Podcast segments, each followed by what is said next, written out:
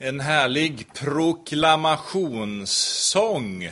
Ja, jag tror att Gud hör bön. Ja, jag vet att Gud hör bön. Det är väl fantastiskt att få känna den eh, vissheten.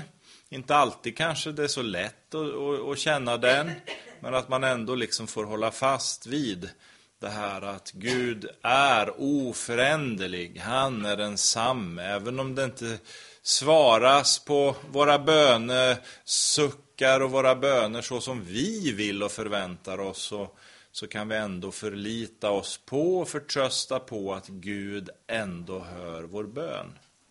Och han, om någon, vet ju vad vi behöver allra bäst. Och då, då måste han ju också svara utifrån våra behov och vår situation.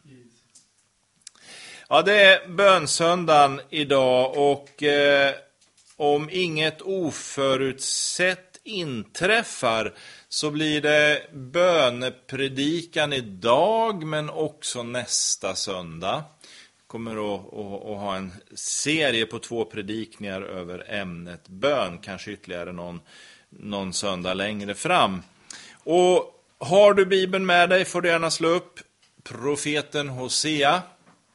Min eh, favoritbok i Gamla Testamentet. Eh, en underbar berättelse som bättre än mycket annat uttrycker Guds kärlek till oss.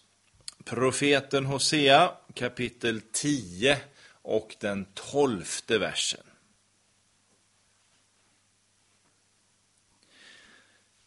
Så åt er i rättfärdighet. Skörda efter kärlekens bud.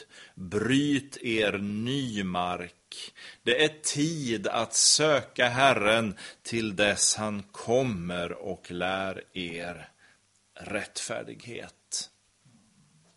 Det var så osannolikt bra och kort så jag tar det en gång till. Så åt er rättfärdighet, skörda efter kärlekens bud, bryt er ny mark, ty det är tid att söka Herren till dess han kommer och lär er rättfärdighet. När man eh, förbereder inte bara predikan utan kanske också gudstjänstens ordning och ledning så ber man ju att den heliga ande ska få verka på oss alla som medverkar på olika sätt. Och eh, jag märker ju nu också hur Gud la tankar på Torstens hjärta där som också rör vid inledningen till, till eh, den här predikan. Eh, jag tänkte så här när jag landade i den här texten att vi lever ju alltid i en avgörande tid eller i avgörande situationer. För vi vet ju inte vad som ska komma. Vi kan spekulera och gissa, men vi kan ju inte med säkerhet säga exakt vad som händer i morgon eller framtiden. Så just nu är en unik tidpunkt som vi får ta vara på. Enskilt i våra egna liv, men också kollektivt i gemenskapen i församlingen. Vi lever i en avgörande situation och vill man krydda den tanken lite extra eh, så får vi påminna oss just om det här att snart kommer Jesus tillbaka. Tiden är kort. Tidstecknen visar att Herren är nära. Snart kommer Jesus igen. Och när vi nu närmar oss det här ämnet bön, som alltid är riktigt otäckt att predika och undervisa om, för alla ber vi och alla har vi levt med bönen på grund av att det rör ju vid hjärtat i vår gudsrelation när vi talar om bönen, då kommer vi ju in i det här allra djupaste och mest centrala i fråga om lärjungaskapet. För där, i bönens förtroliga samtal med Gud växer ju den här djupa och innerliga gemenskapen med Gud fram. Och då kan det kännas lite vanskligt och riskabelt att stå och tala om det här. För vi är så olika och vi har lite olika sätt att be på och umgås med Gud. Men gemensamt ändå för oss är ju just den här kärleken som berördes i sången som Rosi ledde för oss här också. Där vi får känna Gud. Och jag tycker att det finns en viktig lärdom i vad Augustinus sa när han talade om bön. För han sa så här. Sann överlåten bön är inte något annat än kärlek. Det var väl klokt. Sann bön är inte något annat än kärlek. Och ser vi på kyrkohistorien, ser vi på våra egna liv och vänder oss tillbaka och ser på det som vi vet, det som har varit, så ser vi ju att bönen alltid har föregått genombrott av olika slag. Enskilt i mitt liv, men också kollektivt i församlingens liv. När vi talar med Gud i bönen och gör det med en förväntan om hans närvaro, ja då förändras livet, då förändras situationen.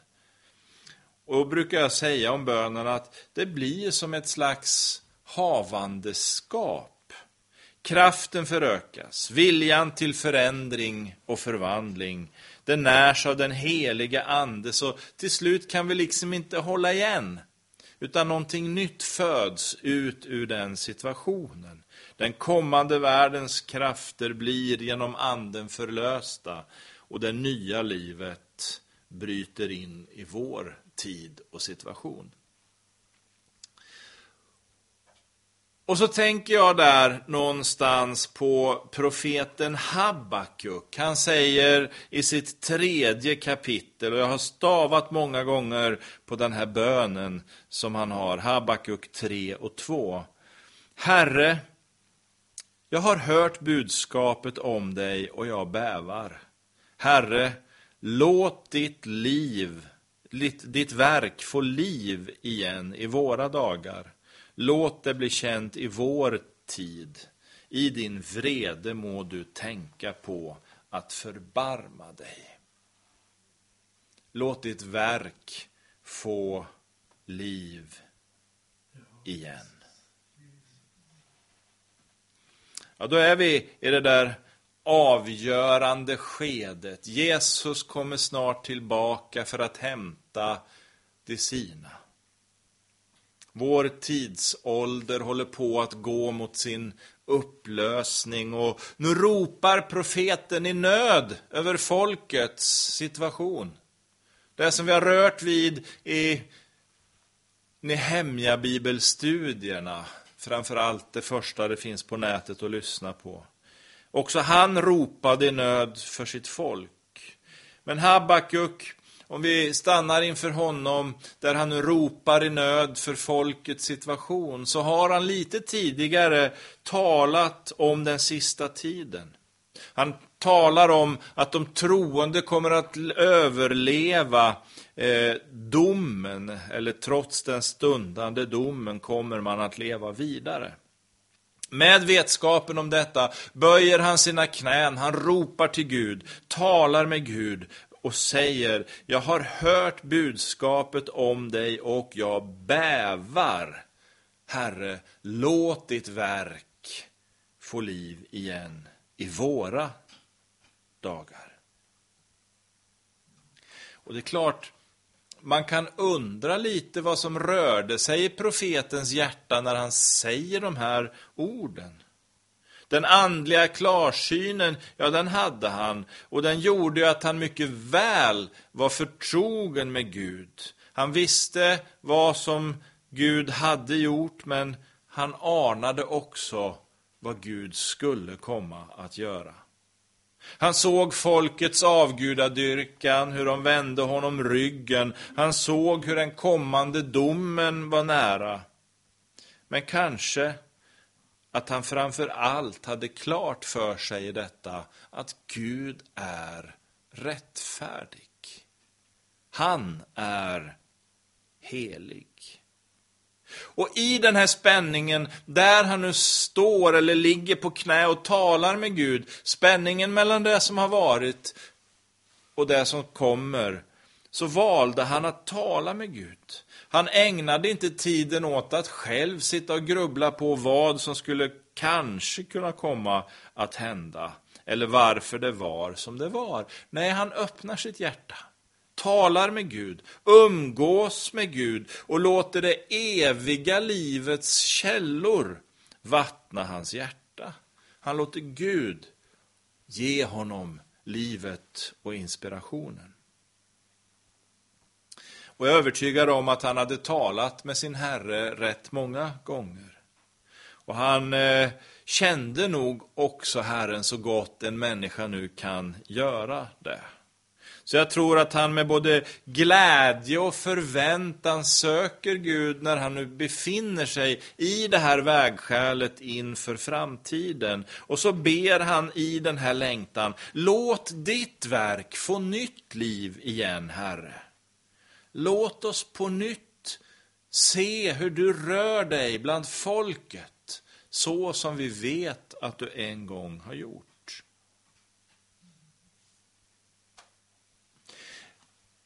skuttar vi framåt i tiden till Jesus och ser när han oombedd undervisar om bönen i bergspredikan så finns det en tydlig uppmaning och vägledning i hur han säger att vi ska be. Och det viktigaste och första han säger är ju, rabbla inte massa ord.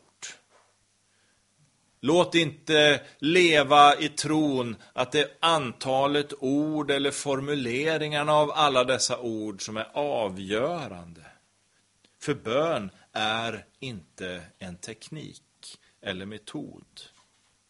Kliv inte upp på några högra, höga piedestaler och försök visa er på styva linan inför människor som finns omkring er. Låt inte dem Observera er andlighet, säger Jesus också. Och vi förstår att Jesus visar oss på det centrala i bönen när han leder just in i detta med motivet. Att vi förstår att det här med bönen är någonting där mitt hjärta och Guds hjärta förenas. På ett djupt, på ett intimt och heligt sätt. Bönen lever inte i detta att det är ett mål i sig eller upplevelser av känslor och framgångstankar i det här Eh, att man måste vara på ett visst sätt eller be på ett visst sätt för att få uppleva någonting. När Jesus undervisar oss om bönen så anar jag att han försöker visa oss att det handlar om en relation. Bön är relation. Jesus lär oss att bönen är den mötesplats där vi konkret får fördjupa relationen med skapelsens Herre, universums konung. Där möter vi Gud fader själv, precis som Jesus med sitt liv visade oss gång efter gång. Det där mötet får ske ansikte mot ansikte med Herren. Samtalet får föras mellan vårt hjärta och Guds hjärta och så plötsligt händer någonting i det samtalet.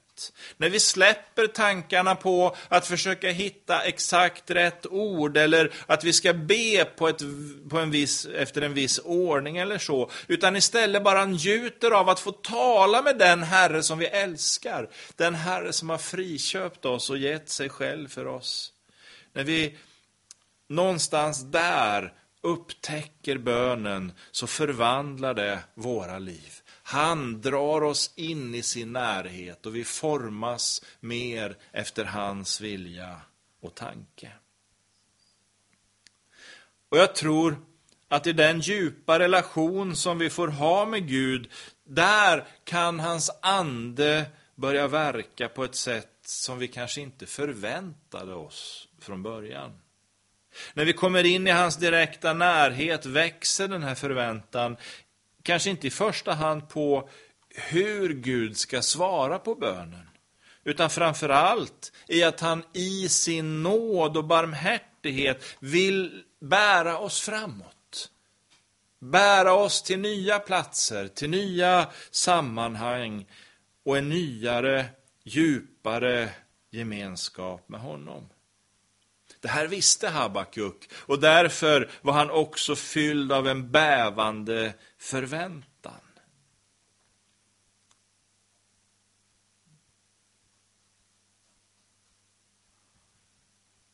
Och så var det med Jesus. Han vill också leda sina lärjungar in i den vissheten. Att bön är relation med Fadern. Inte så att vi inte kan lägga fram bönämnen och tacksägelseämnen och bara för att vi ska vara med Herren, för det är klart att vi ska göra. Jesus uppmanar oss att uttrycka vår längtan och vår vilja, men också dela vår tacksamhet med honom. Så det har vi all rätt att göra. Men om vi någonstans i bönen fokuserar bara på det så riskerar vi att gå miste om den här ljuvliga och obeskrivliga gemenskapen att få vandra tillsammans med Gud. Så står det om Noa, om Enok, om Jobb och flera av de andra stora gudsmännen och kvinnorna också för den delen. Det står att de var rättfärdiga för de vandrade tillsammans med Gud. Han var en ledsagare på deras livsvandring. Och där, i det där, så föds den här längtan och förväntan och hungern efter att Gud ska få ge mer och mer och mer av allt sitt goda. Därför är bönen också som ett havandeskap. I den här kärleksrelationen som vi har med Gud växer och fördjupas vi i gemenskapen och samtalen. Kraften förökas hela tiden och det skapar en vilja till förändring och förvandling när den heliga Ande kommer över oss. Och då kan vi inte stå emot. Och därför valde jag också att inleda med Hoseas ord om att så i rättfärdighet, skörda efter kärlekens bud, bryt ny mark, för det är tid att söka Herren. Om vi får göra det med den förväntan och den längtan som präglar Habakuk i hans bön och som Jesus också visade med sitt liv som exempel. När vi gör det så händer någonting. Så det första vi tar med oss är gemenskapen som skapar en förväntan i våra liv. Och det är den första punkten, att bön skapar förväntan. Vad vill du Gud göra i mitt liv? Vad vill du göra i det sammanhang som jag befinner mig i? Så får han prägla oss och fylla oss med sitt goda och väcka den här förväntan och längtan. Och när han fyller den, och det blir predikan nästa gång, då kommer också förvandlingen. Bön förvandlar.